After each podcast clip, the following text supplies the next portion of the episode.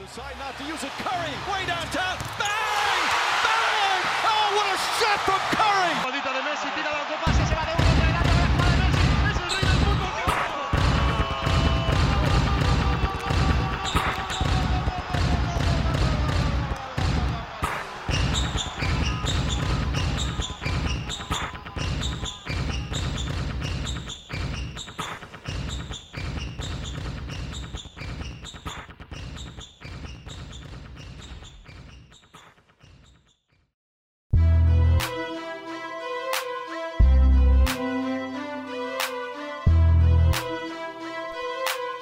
Ei, ei, ei, ei, ei, hola, benvinguts i benvingudes un dia més aquí, on si no? Clar que sí, a la poca substància, avui a 10 de juny del 2022 hem tornat. Després d'algunes traves personals, per fi tornem a la carga, sempre amb una bona Pilsen Polska Beer a la mà, una llauna que en l'estat actual de la inflació costa uns 15 cèntims. Avui portem un programa molt cargadet on serà molt i molt complicat tornar a compactar-lo en només una hora, ja que estem en aquell moment de l'any on tots els esports que acostumem a tocar en aquest podcast s'estan decidint d'una manera definitiva. Començarem comentant com ens està anant la vida, ja que segurament la cosa més impactant que ens ha passat durant aquests dies va ser quan sense voler em vaig lubricar per accident un testicle amb fisiocrem i vaig passar una nit horrorosa. Començarem amb un plat típic d'aquí de les Terres de Ponent, com és la calor infernal que ja va començar al maig i que no té pas cap intenció d'afluixar fins ben entrat l'octubre. Continuarem amb l'anàlisi profund de les semifinals i les actuals finals de l'NBA que s'estan disputant a dia d'avui. I després, per acabar, voldrem analitzar també la caiguda del Barça de bàsquet a l'Eurolliga. I només, si ens deixa el nostre dictador Zanahorio, comentarem la glòria que va tocar Rafael Nadal Parrera, altre cop a Roland Garros. No us penseu pas que som simpatitzants, però treure de les caselles a un bon company sempre apeteix moltíssim. I ara, abans de donar el tret de sortida, voldríem agrair a Cample i Canter el petit nombrament que ens han fet a Twitter, ja que ens ha fet perdre totalment l'Oremus. I ja ens veiem dins de 4 setmanes submergits en l'abundància, degut al brutal èxit desencadenat després d'aconseguir 20 seguidors més a les nostres redes socials. I ara, sense més contemplacions, arrenquem! Bona nit, nois. Bona nit a tothom. Què passa, penya? Com esteu? Tot veu què? Que ha sigut l'última vegada, Jordi, que em dius dictador i encara menys Zanahorio. No banalitzem el bullying, si plau. Doncs eh, no sigueu tan agosarat de, al final, reprimins de temes de conversa que volem parlar jo i el Jagger aquí, no? A veure, hem de comentar-lo del Rafa Nadal, tio. És que no, de, no te pots posar d'aquesta manera ja abans de començar el programa. Bueno, bueno, bueno, no adelantem, no adelantem el, Ja, ja, el mos, que vindrà. ja mos discutirem com a xino. Si convé ja separarem els podcasts en dos. Com esteu? Ara, em, com sabeu, òbviament, i la nostra audiència també, portem molts dies sense poder gravar, hem tingut algun que altre problema.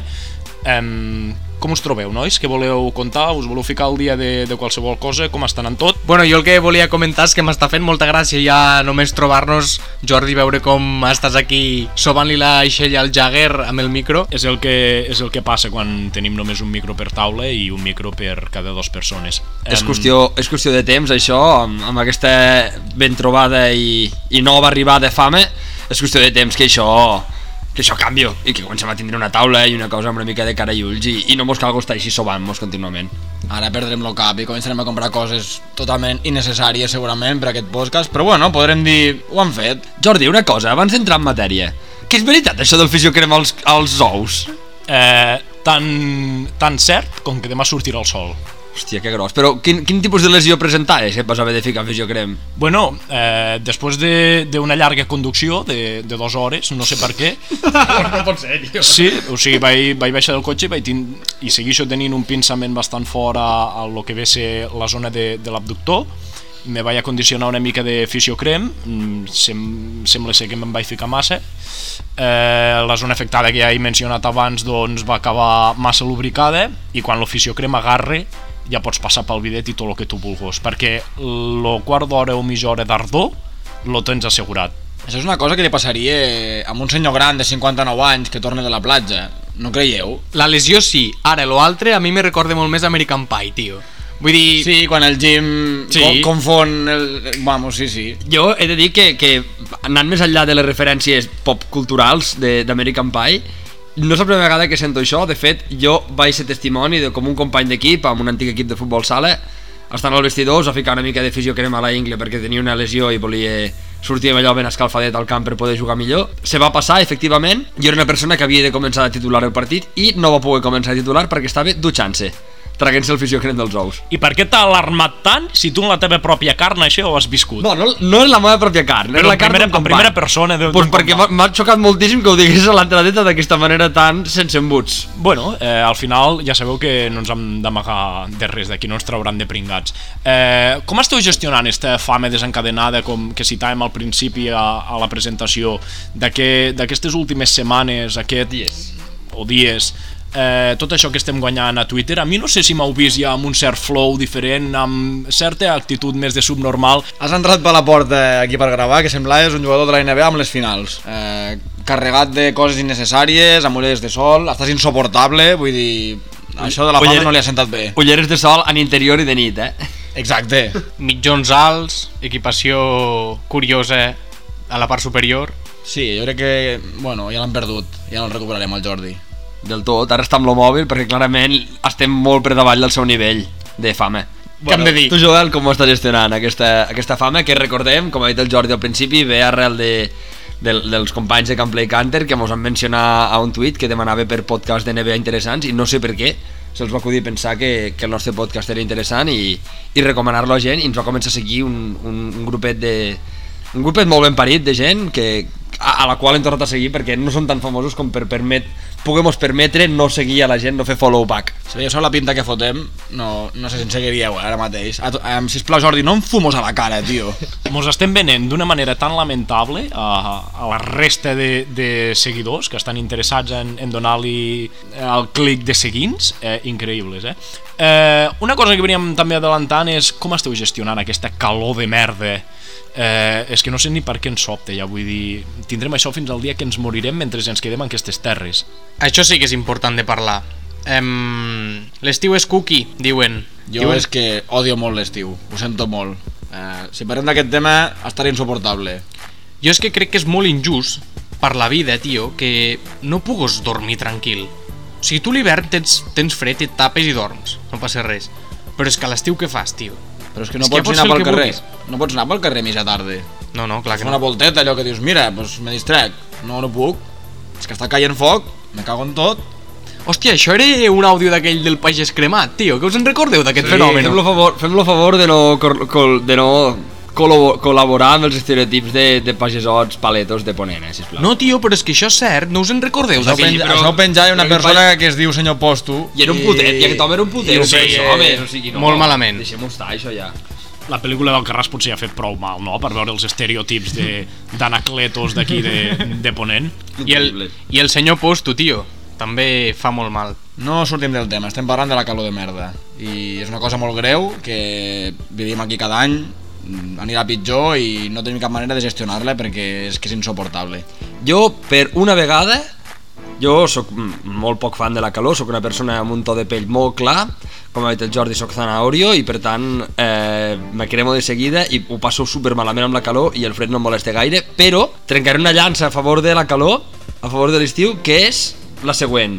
Són dos, és un, un, una, mm, un argument que té dos potes, però se sustenta en lo mateix, que és la meva tria d'outfit per anar a treballar jo agafo a l'hora d'anar a treballar tal com surto del llit, me fico unes xancles i amb aquell calçat és amb el que passo tot el dia Però tu a l'estiu no treballes. i segon, sí que tre... jo ara estic treballant i estic anant a Però treballar no estem a l'estiu. però és igual, estic a estem a temperatura d'estiu estem a 35 graus i agafo i la... faig així, encara amb els ulls mig tancats faig així, agafo, estiro la mà arribo a l'armari, agafo una samarreta, me la fico No, no, no, no, i no, no, em cal no, no, patir no, no, no. absolutament per Perdona, res i perdona. ja estic camí a la feina Perdona i que puc apurar talle. molt més Agafes una camiseta, no, agafes la camiseta, perquè recordem que l'Àxel, a qui no lo veieu, va los 5 dies de la setmana que exercix classe a secundària amb la camiseta del Jalen Brown. no és veritat, això no és veritat Una camiseta que ara mateix camina sola, podem dir. No puc anar a treballar amb la samarreta del Jalen Brown. Eh, ho has fet i ho has Ho, és, confessat. ho he no, fet i, no, no i de fet enrere. tinc dos alumnes que són seguidors de l'NBA, un és dels Celtics, l'altre és dels Warriors,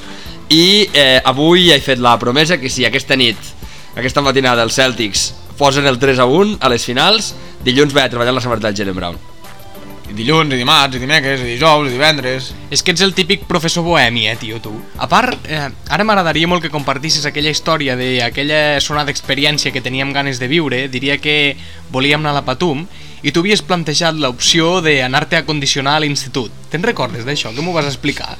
Vas No. visualitzar molt, potser és- m'estic confonent, És eh? super de, pro, és super de però profe vas- que viu a, la furgoneta, vas- tio. això això. Això ho ha explicat, ho ha explicat. O sigui, no és ben bé això. Jo vaig plantejar, quan per primer cop em va tocar anar a treballar a Manresa, vaig plantejar, quan no tenia pis encara, dormir al cotxe i aixecar molt d'hora, entrar amb el conserge a l'institut, dutxar-me a l'institut, esmorzar, i bàsicament viure a l'institut i només anar, bueno, durant la tarda anar a biblioteques públiques per tindre internet i poder fer feina i a la nit anar a dormir al cotxe.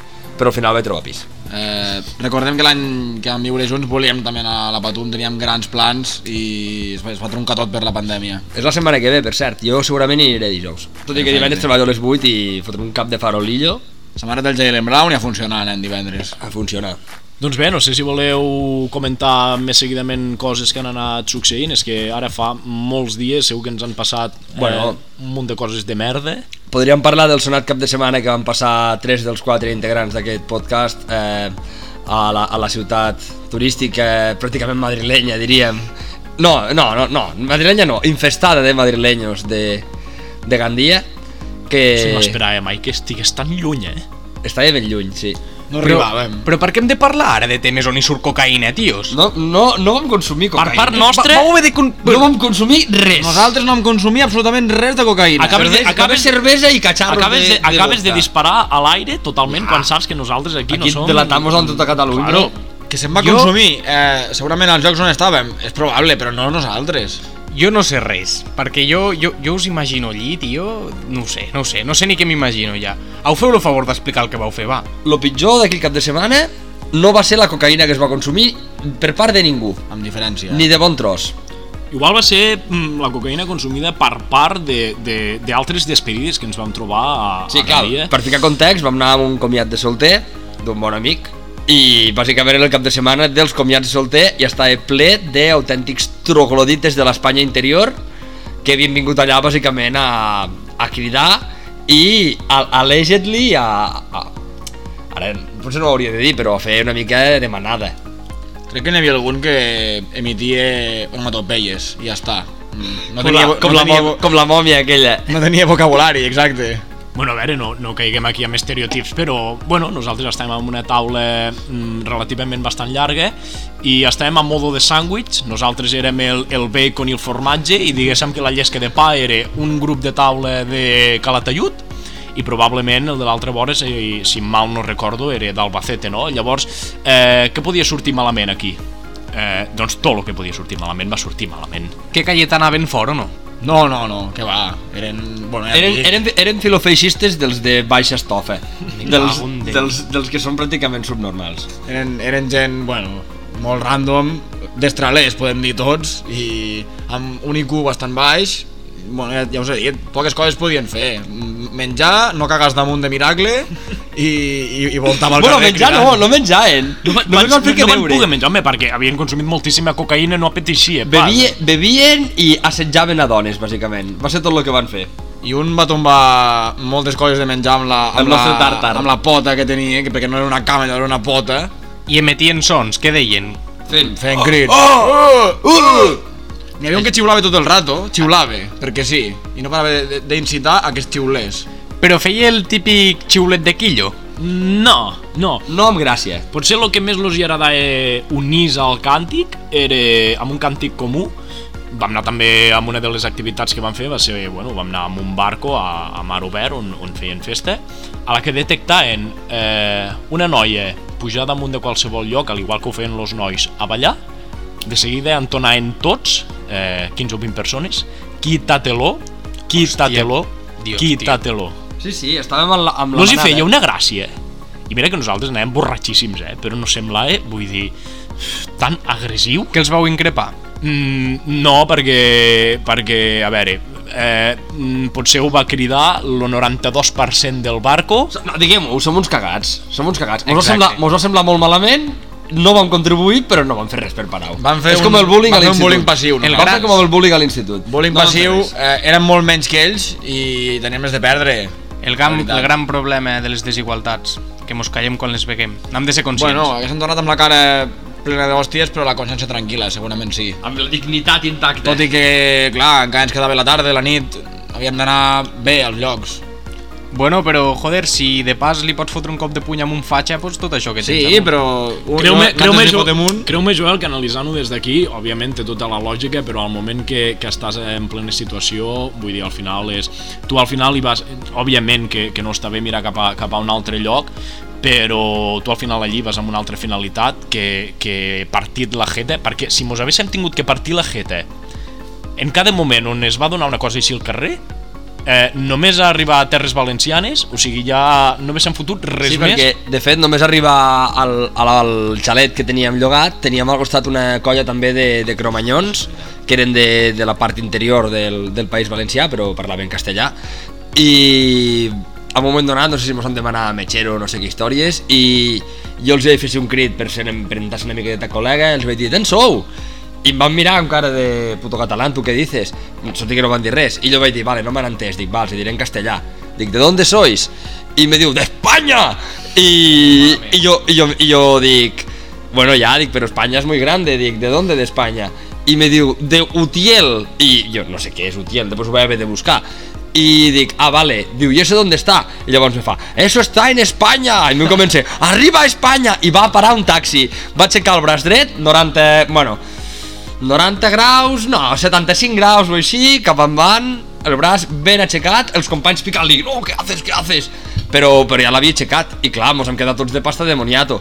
Mos hem quedat, hòstia, que tenim un veí que és filofeixista. Bueno, ja Jo ho sabíem, això- però, però ho vam comprovar. Jo això ho confirmo perquè vaig arribar més tard amb, amb dos companys eh, a l'últim torn i només arribar ja vaig veure que hi havia com una miqueta de tensió a l'ambient i uns crits bastant desagradables no? de- d'aquesta gent allò, bueno, reafirmant el seu espanyolisme així picant-se al pit, fent algun crit de mono i, Uh, uh. pràcticament. I, i bueno, dic, ostres, pinta bé, no, la nit, què tal, sou col·legues amb aquests? No, no, no, no que això potser no acabarà bé perquè Espanya és molt fort i bueno, m'he fotre amb una pizza i vaig seguir cap allí. Hòstia, tio, haver de compartir espais amb aquesta gentussa és Clar, és que al final és, és el que diem, o sigui, eren situacions en les que t'hi trobaves de manera fortuïta a cada, a cada racó, vull dir, jo em vaig quedar molt sobtat, o sigui, molt sobtat, vull dir, eh, no és casualitat, eh, no és casualitat el que, el que al final hi ha en aquest país i totes les coses que passen perquè ho vam poder viure mm, molt de prop No, i en qüestió de dos dies. I amb aquests llocs, així tan...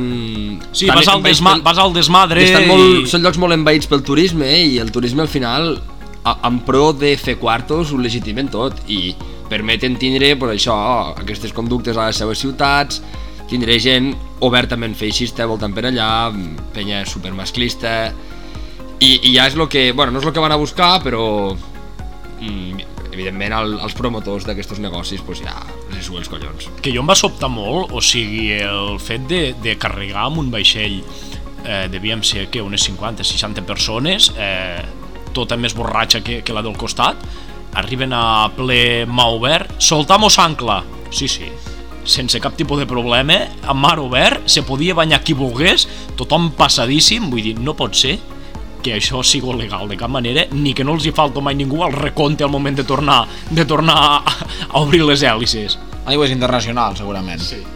No res, estàvem a 100 metres de la costa, però es podia fer el que volguéssim. Una altra vegada, no creieu que podríeu fer, no ho sé, un, no sé una calçotada amb salcoreig en vez d'anar... En aquell, en aquell barco solo li faltaven dos monos amb un machete eh, intentant-se pegar entre amb ells. pues hauria sigut més distret Segurament. De fet, el responsable del barco, i si voleu ho deixem aquí ja, eh, mos va preguntar a veure si, si disposàvem de, de marihuana. doncs bé, eh, si voleu entrar ja a lo que vindria a ser una mica, no sé per on us agradaria començar, tenim molts temes per tocar, i els tocarem allò pues, una mica més ràpid perquè tenim molta teca. Eh, tenim el 14 Roland Garros, tenim la 14a Copa d'Europa del Real Madrid, el Giro d'Itàlia. El Giro victòria de d'Itàlia, Jai Hindley Tenim també eh, les semifinals de conferència de la NBA i les actuals finals que s'estan disputant ara, la caiguda del Barça a l'Eurolliga. Eh, per quin tema us, us apeteix començar, nois? A jo pel, igual, jo pel. Giro Acabes de gastar el teu temps de ciclisme en aquest podcast, per tant, següent tema. Si vols comentar alguna del Giro, disposes a partir d'ara mateix d'un minut i mig, no podrem contrastar opinions amb ningú, no penso fer, servir un minut i mig perquè faré el meu propi, cot, el meu propi podcast com Casinos i Furcias Perfecte. parlant només de ciclisme Perfecte. Um, doncs cap on voleu tirar? Anem cap a la NBA, cap a les finals? Comencem pel solo millor. Vinga, va, som-hi.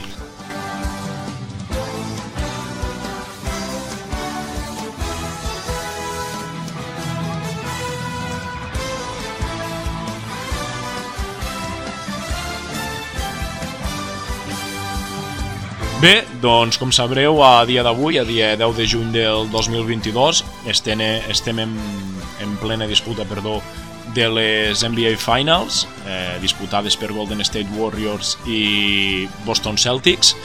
Golden State ve de superar Dallas Mavericks de Luka Doncic i companyia a les semifinals de conferència i Boston Celtics de superar a Miami Heat amb una trepidant sèrie a 7 partits Mm, com esteu veient, sobretot, o voleu començar analitzant com van ser ràpidament les semifinals de conferència i si és merescut que tothom hagi arribat on ha arribat i després analitzem les finals una mica més de prop. Bueno, molt ràpid, no?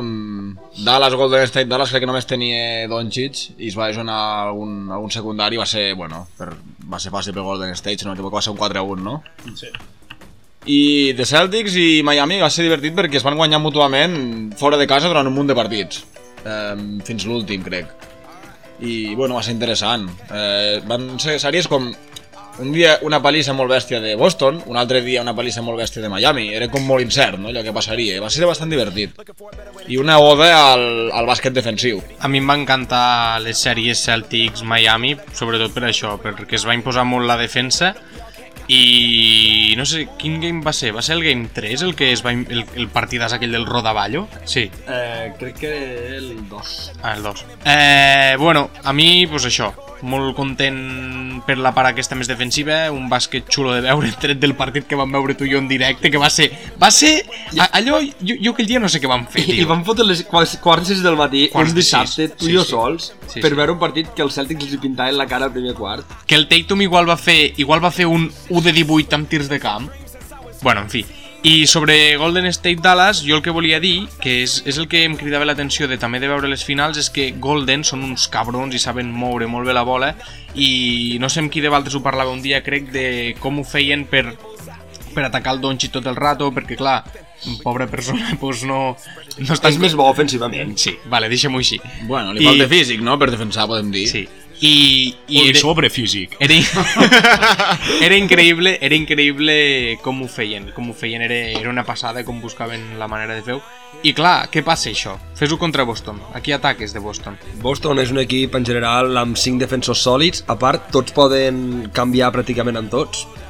L'Smart pot defensar un pivot, pràcticament. L'Smart pot defensar a Draymond Green. De fet, l'Smart i el Draymond Green estan, estan emparellats ara. Vull dir, tots se defensen a tots i, i és xungo. Jo això també volia bueno, destacar que crec que els dos finalistes són super merescuts, són clarament els dos millors equips de la Lliga ara mateix, o si més no els que han arribat més en forma al, al playoff. I la veritat és que jo com a aficionat dels Celtics pues, contentíssim, però que la veritat és que Golden State és un equip que ja me molava i ara era el meu favorit també per, per arribar a les finals a la, a la conferència oest. I, i sí que m'ha fet la, sens la sensació que tenia jo una mica veient les semifinals que anaven a mig gas contra Dallas i tot i així van anar sobrats i que de fet eh, no sé si ho vaig llegir o ho vaig sentir en algun podcast que deien que Dallas, o sigui Golden State per fet d'anar a 5 partits en comptes d'anar a 4 van guanyar no sé quanta pasta. Llavors com que aquest quart partit que va guanyar Dallas quasi que, saps? Bueno, total, que van anar molt sobrats i semblava que encara tinguessin dos o tres marxes per ficar. I ara veient a les finals, doncs, jo crec que ho estan donant tot. I tot i així se'ls està fent pilota i, i Boston d'altra banda ha passat amb un quadre molt més difícil Brooklyn, vale, sí, al final van arribar com arribaven però Milwaukee equipàs, tot i la regió del Middleton i, i Miami és un equip super xungo de jugar i, i són tots, els jugadors són tots uns fills de la gran puta i són molt guarros i menys el Jimmy Butler que m'agrada però també és un guarro Que són els bad boys. són totalment els bad boys, els Miami Heat són molt porcs. Bueno, no, en veritat no són tan porcs, perquè els Celtics to tope de porcs, però després en parlem també. I, i res, super merescut que els dos estiguen a les finals i, i endavant, amb la doble J. Jo voldria comentar un fet que es va, que es va parlar abans del Game 3, quan estaven escalfant al, al Boston Garden, que Golden State se va queixar que la, el aro estava apujat a la seva canasta d'escalfament. I van haver d'intervenir els mecànics per baixar l'aro, perquè es veu que les famoses trampes històriques d'aquest camp es van tornar a repetir. Eh, això, Axel, no fas cap incís eh, amb això? No, només volia dir una cosa que de fet ho volia dir abans quan tu, Jagger, has parlat de que Miami i Boston van guanyar els dos fora de casa, que és que no és sorpresa, perquè l'afició de Boston va cremar-li la casa al Bill Russell, o sigui, sí. és normal que els jugadors de Boston, quan juguen a casa, estiguen amb el culet més a fred que jo que sé, i que juguen millor fora, és que són una afició que són uns irlandesos borratxos que, que en qualsevol moment poden treure una navalla de la boina, com els Peaky Blinders, que avui estrenaven, per cert, i, i, i et poden degollar allà mateix i, i ser els jugadors negres encara més És que el logotip de Boston és tan racista, aquell senyor.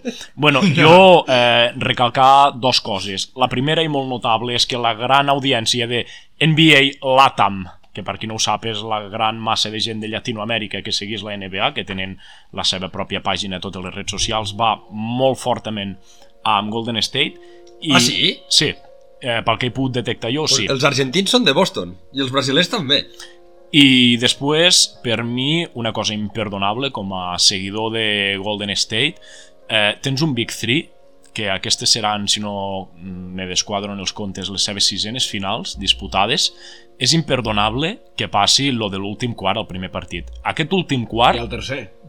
aquest últim quart del primer partit, un percentatge de 40 a 16, pot ser perfectament que et costin unes finals, perquè el cop és molt bèstia, al primer partit que, que te'l guanyin a casa, vas com a remolc amb certa manera psicològica i, i també a nivell de puntuació i, i crec que això ho acabarà pagant, eh? Pels despistats, recordem que la sèrie va 2 a 1 a favor de, de Boston Celtics a, Aquesta nit a 3, l'espera si del, a l'espera del partit d'aquesta nit i, i per mi això, vull dir, hi ha una diferència abismal entre el factor canxa de ficat 2 a 0 amunt a, sobretot, no vull treure molts mèrits a Boston, però crec que el partit eh, el perd Golden a, a que el guanya Boston. El primer partit és, no sé és, és una mica extrapolable al final lo del Barça de futbol, amb l'experiència que tens com pot ser que jugant el que t'estàs jugant sent coneixedor de, de, de lo que t'estàs jugant i, a, i on estàs fotis aquestes baixades de braços en aquest punt, a, a, amb un últim quart vull dir, no sé em va, em va sobtar moltíssim Bueno, hi ha un, un desencert molt bèstia durant tota la sèrie de... Bueno, bàsicament de gent que no és el Curry. Perquè el Curry està, està promediant sembla que 31 punts per partit i quan ell no està amb dinàmica o no fa jugar l'equip, els altres no fan res i els últims quarts del primer partit i el tercer partit són una calcamonia d'un desencert terrible de no saber què fer amb la pilota, de jugar-se tiros sense coneixement i resultat és 16 punts al primer partit i 11 punts, diria, o a la inversa, al, al tercer. Al primer partit s'ha de dir que quan comença la remuntada de Boston el Carri està sentat a la banqueta i, i es veu que el Carri llavors també va sortir queixant-se com dient hòstia, Steve Kerr, si, com que ve, no si veus que la cosa està tan xunga però s'ha de dir que, Kerr, s'ha de dir que el, talla, l'Steve Kerr això ho fa molt, eh? O sigui, sempre és el, és el seu moment de descans Sí, principi però crec que has de saber llegir, has de saber llegir una mica, i més si el tens amb un estat físic brutal, a Stephen Curry, eh, per molt que estigueu cansat, vull dir, una persona que et pot enxufar des d'on t'enxufe, eh, crec que el dosifica massa. I després un altre fallo, i deixo continuar, perdó, és que crec que estem, estem valorant massa com a que encara teniu el Clay Thompson, anotador d'abans de les finals, recordem un home amb dos anys de sequia, de poder jugar. Una persona que, pro, que feia de promig de 25 a 30 punts per partit fàcilment era letal en qualsevol altre partit abans de lesionar eh, igual estem ficant-li massa alt l'esglaó al pobre Clay, eh, també Um, a veure, pel que fa al Carri, que jo, jo el que anava a dir és que al final, al primer quart, es posa a descansar quan està a Golden State 12 o 14 amunt. No em sembla un disbarat fotre al teu millor jugador a descansar quan estàs guanyant de 12 a 14. No t'hauries d'esperar, no t'has d'esperar que et foten aquella remuntada. Al principi de l'últim quart, més que fallos de tiros de, dels Warriors, que n'hi ha, hi ha moltes pèrdues de pilota perquè la defensa de Boston és super asfixiant, comencen a defensar de cop i volta. I a part, Boston, a un moment donat, està amb 7 de 7, se fot a un moment de l'últim quart amb 7 de 7 de triples. Sí, comencen sí, a de el. Derrick White, el Horford, hasta el, hasta el Pritchard, gravíssim, un això, triple o eh? dos. És gravíssim. Vull dir, clar, Boston en aquell moment i fot algun triple el Derrick White amb, amb una mà davant dels morros i l'enxufa el, el White que és un jugador que a la Lliga havia fotut un, feia pena tirant de 3 i, i al tercer partit sí que es fot a descansar el Carri però es fot a descansar el Carri després de fotre un tercer quart de remar que venen de perdre de 10 o 12 al descans i al tercer quart Es posen per davant. s'arriben a posar per davant en un moment donat i clar, pues el Carri ha fotut una matxacada de tercer quart que potser també necessita dos minutets o tres de- d'agafar aire És que jo, jo crec que la diferència que està bé és que els secundaris de Celtics estan responent molt i fan fàcilment algun fa dobles dígits amb anotació i els de Warriors no. Només el Jordan Poole al segon partit sí que va fer aquella arrencada, però els altres no estan fent res i això al final se nota molt. A més finals, si tens 6 o 7 jugadors enxufats que et fan anotacions contra 3 o 4 per segur, I la química, tio. Jo flipo amb la química dels Bleed Green. Vull dir, és, és diferencial. Jo crec que a nivell d'equip humà, a nivell de pinya, estan en un punt que No sé, ho tenen tots molt clar. Però això s'han consol s'han consolidat ara, eh? perquè Sí. es veu que hi havia molt mal a maró eh? a, a Boston, i per cert, i, i us deixo continuar, Derrick White, algú li podria dir que la cinta va adherida a la front i no damunt del serrell? Perquè, el perquè Derrick és que White- Pariols hi ha de tapar hasta l'aro al carri, així, perquè fot un, un acumul de cabell allí damunt.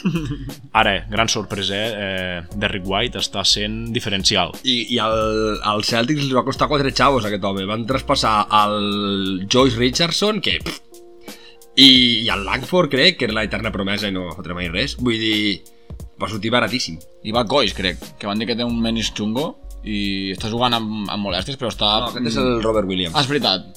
Que està destruint el Que, Looney. com, com va governar el temps l'altre dia, eh? Eh, fot una xapa al carri, eh, que encara la busque. Per cert, el Pritchard, nosaltres ho vam comentar moltes vegades, eh, de Boston, no us sembla que és el format de jugador de custom player, de no tindre l'internet pagat a la Play i que no et pots afegir absolutament cap extra al teu mi jugador? O sigui, no, no és que cap extra, ni modificar cap tipus de facció, ni alterar, ni alterar el pentinat, ni ficar ca- res. És que només li falten les sabates de 2K per ser eh, puro custom player, perquè és extra custom player Pritchard. Però he de dir que el Pritchard fa de ser molt quillo. Molt quillo. Amb lo quillo que sembla que, que sigo, me sorprèn que encara no porta tatuatges. Ja porta... És el seu segon any a la Lliga. Ja hauria de portar com a mínim una màniga de braç feta. I la típic, el, típic tatu, el típic pentinat d'apropiació cultural de trenetes de blanc, jo crec que ja començaria a ser hora de que les portés. Però és que tornem a estar en el mateix, no té internet per poder fer això. Claro. No té prou VCs. Igual que Xavi Hernández. Xavi Hernández no ha tingut mai eh, el network pagat per poder tatuar de valent i al final pues, s'ha quedat només amb el màxim pentinat que va poder triar de terrassa Cenicero i pantalons Gestar. ja funciona. Eh, doncs bé, nois, ens mantenim a l'espera a veure com continuen aquestes finals. Eh, jo desitjo que siguin lo més llargues i disfrutones possible. Volia fer un parell d'incisos més i de fet porto notes al mòbil. Serà super ràpid. Vinga, va, i amb això acabem amb I amb això acabem. NBA Finals. Primer, primer que res, eh, Draymond Green, com va dir Dani Senabre, jugador, periodista que segons el pare del Jordi brutege, Protege... Protege molt. Eh, sí, i a pares, a pares dels Celtics, que la, la gent dels Celtics és gent bruta, gent... Eh, Draymond Green, abans, ho era, diu ell, que- abans era un gran jugador, jo soc Celtics. dels Celtics, abans era un jugador molt bo i molt guarro, ara mateix és només molt guarro. Ha fotut cada disbarat a, a les lluites pels rebots, al sortint de bloquejos, és que l'altre dia li va fotre un takedown a l'Smart per fotre'l fora d'un bloqueig, increïble.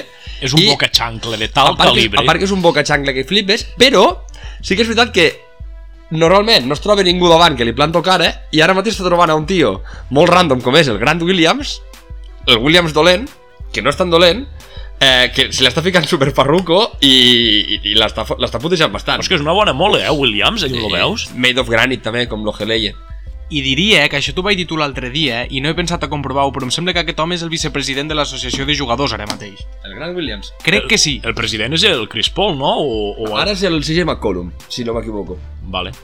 el Grant Williams, que això van dir els, els companys i referents de Camplay Canter, se veu que en el seu moment podia triar d'estudiar a Harvard o Princeton, però el tio tenien... Els seus pares eren professors, crec, o alguna així, i el tio era com bastant intel·ligent i ell va decidir buscar la seva carrera al bàsquet i, i aquí està. O sigui, és un tio amb coco i és un tio amb, bastant discurs. Eh, tot i que és, és un porc absolut i l'Smart, bueno, l'Smart no és un porc, però l'Smart també té la seva manera de jugar, que déu nhi també, i, i sí, sí, o sigui que el, no sé si ha sigut perquè el Green va començar molt fort els dos primers partits, sent increïblement guarro i tenint carta blanca per fer el que volgués, que els Celtics van dir ah sí, ara anem nosaltres o, o, o qui va ser el, el que va fer el primer cop però ara mateix està brut, brut, brut eh? Van comentar, no sé si va ser Tatum a l'acabar el segon partit, que va dir sabem el que és Green, que estigui tranquil, que això ho arreglem. I sembla que ho estan arreglant, la veritat. I per últim, volia comentar, de nou, tornant a parlar de l'afició dels Celtics, bastant monotemàtic avui, eh, que es veu que els representants, l'Steve Kerr i capitans dels Warriors així, han sortit queixant-se bastant de l'afició dels Celtics, perquè es veu que van començar a, a cridar fuck Draymond l'altre dia, i bueno, els van dir absolutament de tot, fent peinetes, tal, i van sortir queixats que, que això no era bàsquet, que l'afició aquesta que eren molt tal, molt agressius, molt violents, i no diuen cap mentida, l'afició dels Celtics són molt violents, però que jo sàpiga que et diuen fuck Draymond, nosaltres que hem jugat a futbol sala, especialment, Esport de quillos. És de lo més bonic que et poden dir des d'una grada, o no? Ara, crec que també seria un error normalitzar el que passa aquí a Espanya, eh? perquè és, és molt greu. Allà a Espanya. Bueno, doncs allà a Espanya. Aquí a Catalunya també passa igual, o més fort, eh? Que hi ha molts partits de juvenils on acaben amb escaos, los pares, eh, i hi ha tortes, eh? Des d'aquí ho denunciem, però amb un partit de les finals, que l'afició digo fuck i el nom del jugador rival, a mi no em sembla un disbarat. No em sembla una conducta ultra agressiva, com s'ha No, perquè- un eh, Golden State. Això passa a tots els camps, a totes les finals, el que... No, no hi ha tanta bola, a, la, segurament. al, a la pista dels Warriors no passa tant, perquè els aficionats dels Warriors són, són niños rata d'Europa. Exacte. I molt hispano al Chase Center. I ara recordem que los hispanos és una comunitat que s'emporta tota la seva família, eh, incloent tietes de 70 o 75 anys, los seus burritos, vull dir, al final eh, no, no estan per insultar, van a disfrutar de, de l'espectacle, vull dir... De passar un dia en família, amb la nevereta... Claro, vull dir, los salmorejo... No, però ara en sèrio. Molt bèstia, per cert, el que van comentar els, els, els comentaristes en ple partit de localitats del Chase Center que havien arribat fins als 70.000 dòlars per veure un partit de les finals. Em sembla algo esperpèntic. Tio, ara... no- Perdó. Perdona, eh, Joel. Si no m'equivoco, crec que van dir que és la zona més cara de viure de, del país, eh, San Francisco, i allí pues, hi ha... És en que toca molt billete, no? Molt, molta cosa verda i no els hi fa res pujar preus perquè saben que ho pagaran. Una cosa, ara que deies lo del salmonejo, tio, és que m'ha vingut al cap que l'altre dia el vaig provar. No l'havia provat mai, vale? Que l'heu provat? Sí, jo Sí. vivia a Andalusia abans. Tio, jo no el vaig poder... No, buah, no vaig poder. És com si et mengessis una cullerada de llioli, tio. Sí, realment Sí, no? és, Depèn és de qui te'l fort. faci, o si es passen d'all, sí, clar. Què fas bevent una d'am lemon, tu? És que és més fresqueta. A part només queda una estrella. Has apartat, has apartat la Pilsen Polskan? apartat la, la pilsa. Doncs bé, eh, ara sí, definitivament, si plau, deixem aquí el que venen a ser les NBA Finals. No sé cap a on voleu tirar ara, si cap a la caiguda del Barça a l'Eurolliga. Jo crec que podríem tocar una cosa del número 14, no creus ja, Jordi? Eh, la orelluda o la, o la copa dels mosqueteros? El que t'apeteixi més. Bueno, va, doncs comencem, si voleu, amb una altra proesa de Rafael Nadal par Parera. No volem, no volem començar. Bueno, jo crec que, si més no, eh, independentment de que sigui un filofeixista, amic del rei, jo crec que és increïble. És... Com pot És ser que això- independentment de... És, és, és allò, és tot el que va abans d'un pero... perquè aquest esportista, a la pista, és, un, és una gran... Vull dir, eh, està No li molt bé pots de dir veure. esportista, li has de dir feixista. Però, a veure, eh, tu ets Però un tio amb, amb coneixement... Esportista feixista. Ara de veritat, tu Joel, eh, ets un tio amb coneixement i que tens valors de l'esport. Aquesta persona eh, transmet molt bons valors d'esport. No com a, com a referent polític. abans que l'esport va la persona, per molt fan que pugui però ell, ser dels però valors de ell ho separa l'esport. molt la pista, això. És igual la pista. Com que és igual la No, pista? és, això? però... és veritat, té raó el Jagger. El Sí. Rafa Nadal no ha fet mai una salutació feixista davant del, del senyor Carrós. Davant de la càmera no, davant de la càmera almenys no, però senyim-nos, sisplau, eh, tots sabem del peu que cal ser Rafa Nadal, no, no ens ficarem a discutir aquí perquè al final coincidim tots amb el mateix, però sí que té moltíssim de mèrit amb la- amb, amb l'edat que té jugant pràcticament coix, mm, guanyar... Això, això és un sopar de duro. Això és un sopar de duro. O sigui, aquí sí, per aquí sí que no passo. Ja hi som, ja. Per aquí sí que no passo. Ja hi som. Jo no vaig veure el perquè partit. Marcus Smart va fent flopping No vaig partit veure, sí, el, ja hi som, no vaig veure el partit Atenció, perquè Déu tenim- me'n guard, no vaig veure el partit perquè Déu me'n guard de veure un esport de pijos filofeixistes, perquè al final que qui juga a tenis, estàs boig, tothom tio. que jugui a tenis és filofeixista. No, no, I, però- i si no, i si no busqueu-me algú, busqueu algú que no ho sigo. Busqueu-me algú. tio. Busqueu-me algú que no sigui filofeixista. Qui de juga i qui ho mire. Qui juga i qui ho mire. No, qui juga. Qui El juga és a és filofeixista. Hòstia, segur, és suís.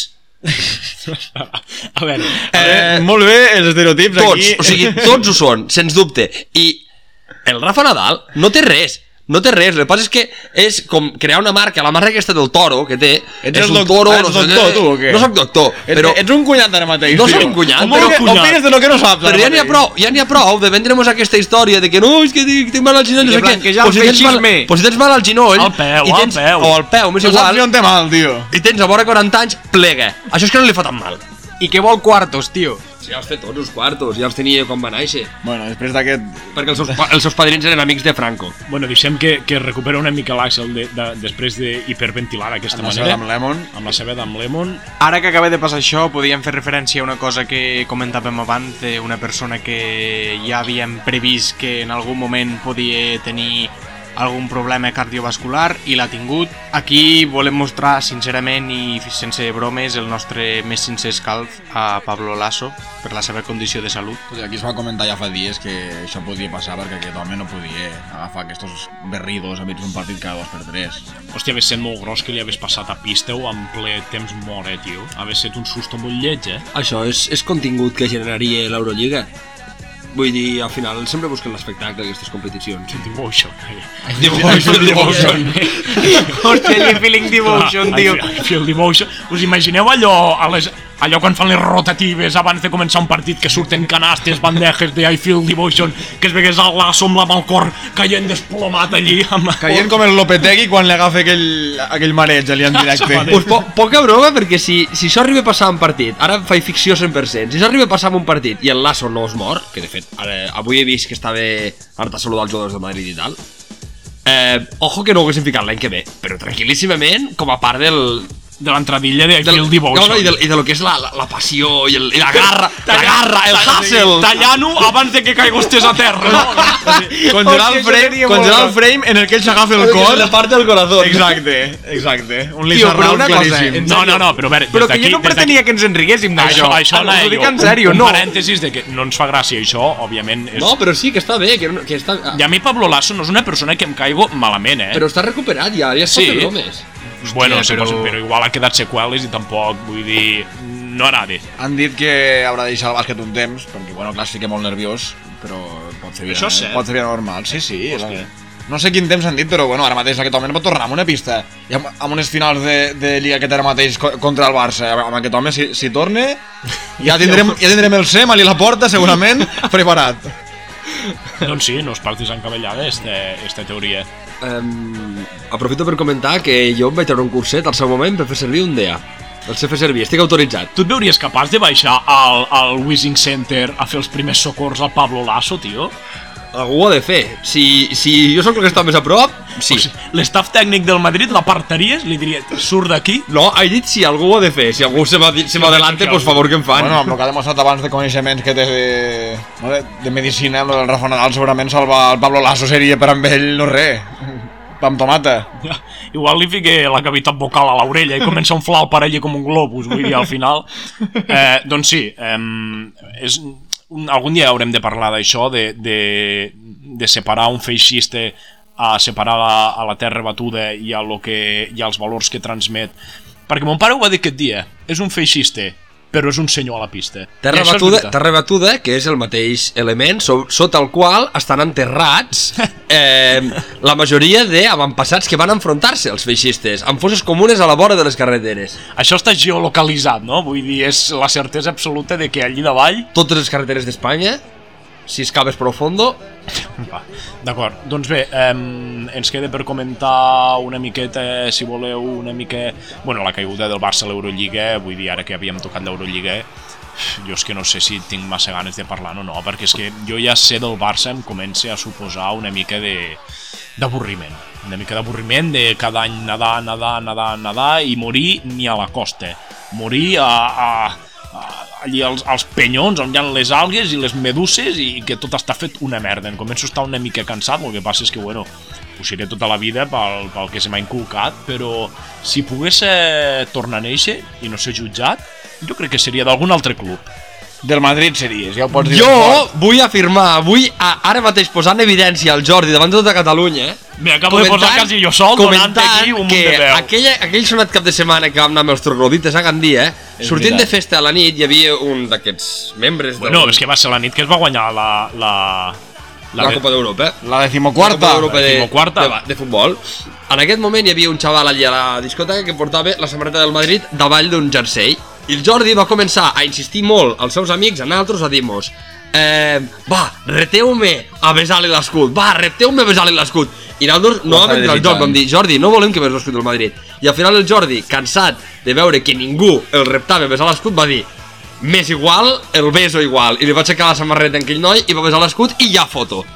És que se moria de ganes. Se moria de ganes. L'excusa de Red Déu mere per, per tenir ahí pues, la coartada, no? De, ostres, mira, vaig, vaig borratxet, Hòstia, faré, amics faré aquesta brometa, fer- no? M'aniré aquí donant besito, però no, està contentíssim. És que jo, Jordi... crec, jo crec que l'impàs aquest de Reteume no hi va ser en cap moment. Senzillament és una cosa que em va, que em va vindre molt de gust, de besar un escut rodonet. Perquè ets del Madrid. No, no, perquè és que són admirables, tio. És que és un puto, és un puto club guanyador. És un puto club de guanyador. Un club amb un passat feixista eh, mm, grandiós i que fot un fàstic i tot el que tu vulguis, però és un equip guanyador, tio, i és totalment indiscutible. I és, és admirable com, com hasta sense voler guanyen Copes d'Europa, tio. Ha estat una puta passada el que ha passat aquesta campanya i això sonarà molt a Espíritu de Juanito, tio, i a Primavera Blanca, però és que se, ho porten a la puta sang. És acollonant, ho porten a la puta sang, tio, igual que nosaltres vam necessitar tindre el millor equip de la història per rascar un parell de copes d'Europa i una que va vindre de rebot al 2015. A veure si comencem a conscienciar-nos de que nosaltres hem tingut 4, màxim 5 anys bons i perquè ha coincidit que hem tingut els millors futbolistes o dels 5 millors futbolistes de la història comandats pel, pel, pel Messi, però que som un equip perdedor, tio. Som un equip perdedor, no hi ha més. Ara, si tinguessis el Roncero aquí a la teva vora, us fundiríeu amb una abraçada, eh, tio. No, no, és que jo crec, jo crec que no cap, no cap eh, o sigui, confondre que un culer reconeixi una, una cosa així, sóc el primer que em rebenta reconèixer això. Però, però és que és una puta certesa, tio, és increïble. És que no té cap explicació i no és coincidència que hagin guanyat 4 copes d'Europa o 5 eh, en plena adolescència i, i, i, i edat jove nostra. Vull dir, és que és increïble, tio. Després de que el Jordi s'hagi despullat emocionalment en Ara aquest de treball de creixement Jordi. personal, jo només volia dir que, com veieu, el Jordi també és un custom player. Si el veguéssiu en directe veuríeu que també és una persona que sembla que no tingo VCs i que... i ni Jo vaig, molt, internet. jo vaig molt tatuat, eh? Bueno, sí, amb això sí, però per lo de més és una persona que, com veieu, podria haver nascut perfectament a Madrid. És En com la el calle López. me conocen como hip, hop, the hit, the Es- real dance script. És com el Jordi López en aquell capítol que se'n va a Madrid i es voldria quedar a Madrid perquè Josep Madrid... López. Josep López, perdó. O Jordi Sánchez, la- l'actor. Molt ben equivocat. Eh, bueno, això, que el Jordi es quedaria a Jo Madrid. només vull dir que el, que el Jordi eh, ell és molt neutre i molt no sé què, jo sóc del Barça i tal, però quina casualitat que en qüestió de 5 minuts ha mostrat admiració, pràcticament devoció per, per, pel feixisme més recalcitrant. Pràcticament no, ha estat a punt de plorar. Jo, jo he vist aquí una, una llàgrima. Ha, ha hagut un moment que s'ha emocionat moltíssim. Sí, sí, sí. És que jo crec que no, no, no et sortirà mai més així, això. Li ha fet un nus a la, a la, Tremolant, a la gola. tremolant-li el cigarro, tio, mentre parlava. Però jo sempre, jo sempre faig el parèntesis de que són uns feixistes de merda. Vull dir, penso que això no se'n pot tirar en Però no t'eximix. No pot ser que facis un parèntesi de 3 segons, són uns feixistes, i llavors te, Me te facis una autèntica palla gegantina parlant d'ells. No, però realment no creieu que hi ha mm, algo de certesa en què realment són la puta hòstia esta gent com batallen fins al final? Ara, deixant conyes a part, vull dir, no és casualitat tot, tot el que els hi ve. Ja ens agradaria a nosaltres tindre aquest ADN, per molt caspós que soni. Bueno, esportivament és veritat que és un equip que competeix molt bé. És que és innegable. Però, jo crec. però mostrar aquesta devoció per al rival, jo crec que, bueno, calma, vale. Mo molar, molar antes que ganar. Odio més a l'Atlètic de Madrid que al Real A quins hi Madrid. trobarem? A quins hi trobarem? Perquè són més feixistes. Perquè frente a l'Atlético allò està tot tot ple de delinqüents, allò. Banderes... Ja, perquè els bojos nois no. Sí, però vull dir... Eh, deixa'm acabar. Aquelles banderes que onegen, tio, que, que, que hi ha allí... Més aguilutxos que... És que, vamos, allò, allò no es pot abarrerar. Perquè a part és que des del palco ho inciten. Sí, animeu molt, mostreu les banderes d'Espanya, així ben... A, a, a tope. Apunyaleu gent. Ben preconstitucionals. I llanceu-los al riu. I al final han guanyat una Copa d'Europa tenint ara mateix el millor davant centre del món i el millor porter del món que a la final se va eh, disfressar del mismíssim Antoni Ramallets i Simón, l'aranya negra, vull dir, va ser increïble. El pequeño canguro, parles. Bueno, ja n'hi ha prou, no?, de futbol. Pesats. Sí, bueno, és que clar, s'havia comentat això que ha fet el Jordi, era... No, no Jo- m'ho esperava jo això, eh? Aprofitant, aprofitant que, que estàvem parlant de futbol i, i també amb, aquesta decadència absoluta que està vivint el, el Barça masculí, volia fer una reflexió que, que em van fer l'altre dia un, unes alumnes que em comentaven que, que elles amb sa vida havien mirat futbol, que el futbol semblava una tonteria, que els semblava una merda tal. També és que han coincidit amb una generació del Barça molt fluixa, mentre que jo, per exemple, a l'adolescència el Barça era un equipàs. I me deien, per exemple, que, que ara últimament, quan van començar així el, el, el boom de que, van, que el femení van a jugar partits de Champions al Camp Nou i que les entrades estaven bastant barates i que va anar moltíssima gent, o sigui, se'ls ha posat com la pell de gallina, l'estar allà a l'estadi, gaudir de lo que és l'ambient, que és una cosa que ha passat molt, molt al Barça masculí, que a base d'anys de, de socis carrinclons que van a menjar pipes i fumar puros, bueno, ara no es pot fumar ja, al Camp Nou i, i ha dit que t'assentos perquè no hi veuen i així s'ha generat un ambient al Camp Nou que és absolutament fastigós al futbol masculí. I a part el joc no acompanya per tant ara mateix ser del Barça per voluntat pròpia no ho és ningú si no et ve d'herència o perquè t'estan tirant una, fotent una pistola al pit ningú és. inèrcia, per inèrcia. per inèrcia. Um, en canvi el femení sí que enganxa, el femení mola per què? perquè el femení no hi va el soci carrincló al camp això fa que les, hi hagi moltes localitats alliberades perquè hi vagi gent de Catalunya, de comarques, que normalment no tenen possibilitats de, de pagar pasta per anar al Camp Nou, però 25 euros o 30 per anar a veure el femení sí que els tenim. I pots anar allà. I es fot un ambient super ben parit de gent que és catalana, se parla català a les grades del Camp Nou, que això feia temps que no es veia, Berguedà fort al, I, al Camp Nou. I, hòstia, hi ha un ambient de puta mare, i a mi em va molar molt, i només volia fer aquesta reflexió perquè em va molar molt que m'ho diguessin també, pues això, noies de 14, 15, 16 anys, que deien, joder, ara m'està molant el futbol perquè me puc veure també reflexionant una mica amb unes jugadores i hi ha un ambient que és la puta hòstia quan jo sempre havia vist que el futbol era un ambient de unga-ungas i, i que això és una cosa que si més no si ha de servir d'aprenentatge que el Barça masculí fotó fàstic perquè el, per anar 100% amb el femení pues, que endavant, que és el que faci falta I una altra vegada també comentar el poder dels clubs estats, el mortadelo que li ha fet Kylian Mbappé al Real Madrid. Eh, bueno, ha sigut, no ha sigut gens dolorós perquè encara estan en ple festeig, però déu nhi eh, també. per, per tu com ha sigut? Com ho has viscut, Jordi? No, home, realment, des del nostre punt de vista de, de no voler que ens atropellin amb més lligues, doncs ha estat molt beneficiós eh, com, a, com a simpatitzant del Barça, perquè ara mateix sóc simpatitzant. Del Madrid t'has equivocat. És igual, mm, jo crec que, que ja ho vaig dir aquest dia, és, és un rotllo com a molt de nen de quart de primària dir que si no... Madrid fill de puta i et diuen, ets del Madrid. Madrid, Madrid podrit. Madrid podrit. és que me sona això, saps? Quan érem, quan érem petits que passava un camió de tocinos i deia mira, mira, la tocar del Madrid. Claro. pues, eh, pues no ho he evolucionat massa, eh? No, no ho he evolucionat massa. Me segueix fent bastanta gràcia. Perquè és molt divertit el... Ho segui, jo segueixo fent la broma. Aquest humor, sí. Doncs bé, no sé si voleu comentar alguna cosa més, com devem anar de temps ara mateix. Ho dic? I tant. 55 minuts, però amb, quan els retallos seran molts menys perquè No, no, no d'una penso, eh? Amb els retalls i tot igual perdem un minut. Al final... Bueno, podem enraonar una mica més, si voleu, no? Algun tema que vulgueu treure aquí damunt de la taula? Eh, Bueno, mm, crec que l'últim podcast va ser... Quan va ser? farà fàcil, fàcilment un mes. Tu i jo estem vivint junts ja, Joel? És que Això, ens, com- ens hem anat a viure junts. Com va la convivència vosaltres dos? Que Bé. això és una cosa que també m'interessa bastant. Doncs pues bé, anem fent. Bé, ens donem més calç mútuament a nivell emocional, dir, i superbé. Aquest, aquest dia ens van acondicionar un, ens van acondicionar un, un sopar de parelles i li vaig dir al Joel, perquè eh, esta casa és, és propietat seva, li vaig dir al Joel, escolta'm, Joel, um, te faria res si encenem l'aire condicionat perquè som molta gent aquí al, al menjador i passarem certa calor per sopar i el Joel va dir, no! Ni se us ocorrixi, perquè no s'han llimpiat els filtres d'aquest aire condicionat que han estat molt temps parat. I després quan el Joel va entrar a la cuina el Jagger va afirmar jo l'he anar 4 o 5 vegades vull dir no se us ocorrigi si teniu al·lèrgia o qualsevol cosa o alguna al polen perquè allò ara mateix sembla una tempesta d'arena quan s'obren aquells fanafònics perquè ara mateix eh, pot ser molt perjudicial per la salut eh? Però jo he de dir que he viscut amb el Jagger també i amb temporada forta d'al·lèrgies que jo potser dormia de seguit mitja hora amb una nit normal ell se feia tota la nit del tirón amb zero símptomes d'al·lèrgia vull dir... dormidina eh? Que no, no, tranquil, jo dormia tranquil·líssim. Ell, ell voltava pel pis com si fos un, un padrí, saps? El que es desperten a les 6 i mitja i comencen a voltar. Pues ell ho feia a les 3. Però És jo, molt- jo estava per allí, se me va comentar que, que podíem inclús parlar mentre jo dormia i ell ja estava despert, cosa que em sorprèn molt. Però bé, molt bé. Per mi és molt graciós viure amb el Jagger perquè me'l vaig trobant per la casa dormint a diferents llocs, tio. hòstia però és molt gros això Sí, sí, allí, sí. Te vas, veure, vas fent, fent servir A el sòcol com a coixí tio allí, A veure, mati matisem això. M'ha vist dormint al meu llit, cosa totalment normal, i al sofà, una vegada. No, no és tots els llocs de la casa, això. Clar, és que tu, Joel, fas migdia del llit, no? Sí.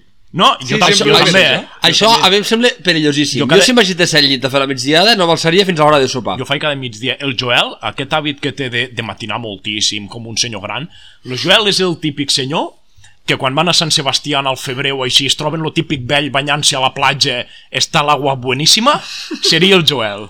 Amb lo seu banyador, allò, lo seu Sant Cristo d'or, banyant a la Sant platja... Cristo vostè. Ah, jo se'n van a dormir que deien ser les, les 11 menys 10. Sí. Jo vaig a dormir aviat perquè m'aixeco aviat, és el que hi ha. Mm, Jo també, el que passa és que em fico l'alarma a les 3 del matí perquè estem en plenes NBA Finals i després, doncs bé, sóc una mica zombi. Doncs bé, nois, ehm, eh, fins aquí em penso que hem tocat bastant contingut, vols aportar alguna cosa més? Jo voldria comentar que no has dit res del sopar que vas, que vas rebre, eh? El, el menjar en si. Sí, la veritat és que, és que ara aquí davant de tota Catalunya us felicito perquè vau treure uns plats elaboradíssims, eh? que això a vegades no és sinònim de que estiguen bons, perquè la presentació pot ser molt bona però després un autèntic desastre, però la veritat és que ho vau caçar tot a la d'això- un perfecció. exemple d'això és el tàrtar. O el león come gamba de Masterchef. Que l'heu vist mai, aquell Tio, vídeo? és, és, no és aquella patata en forma de lleó i bigotis Ah, sí, i que, que, que mola un munt perquè el Jordi Cruz se fica súper nerviós i li diu ¿Tú te crees que me tienes que traer una patata cruda? O no, o no sé si és el, el Jorge o el, o el Jordi, o sigui el Jordi o el Pepe, no sé quin Jordi. Cruz a currar un chiringuito a 3 euros a hora. Sendereito finiquito. Però bueno, això, sí. Explotador, de El, puta. el león come gamba. Doncs bé, eh, fins aquí l'últim apunt aquest. Moltes gràcies als nous seguidors que des de fa una setmana ens esteu començant a seguir des d'arreu de Catalunya. Esperem que incrementi molt més el nombre. Fins aquí avui la meva aportació i la dels meus companys. Jo em despedixo, una calorosa abraçada i fins aviat. Adeu! Bona nit i puta Espanya, nois. Moltes gràcies als nous seguidors. Si teniu qualsevol queixa o petició, el DM Twitter està obert, el porto jo. I per tant no us caldrà passar pel filtre del Jordi, que és del Madrid i dels Warriors. Eh, a tot això, Jordi, ara vull deixar constat a les zones que estaria bé que pengéssim aquest capítol editat abans de el Game 5, a poder ser. Intentaré, intentaré tenir-ho, va. Me agafo el compromís. Abraçada a tothom i escalf. Escalf, camarades. mi albocero soy yo. Ya saben quién, ya saben quién, El mundo entero me oyó.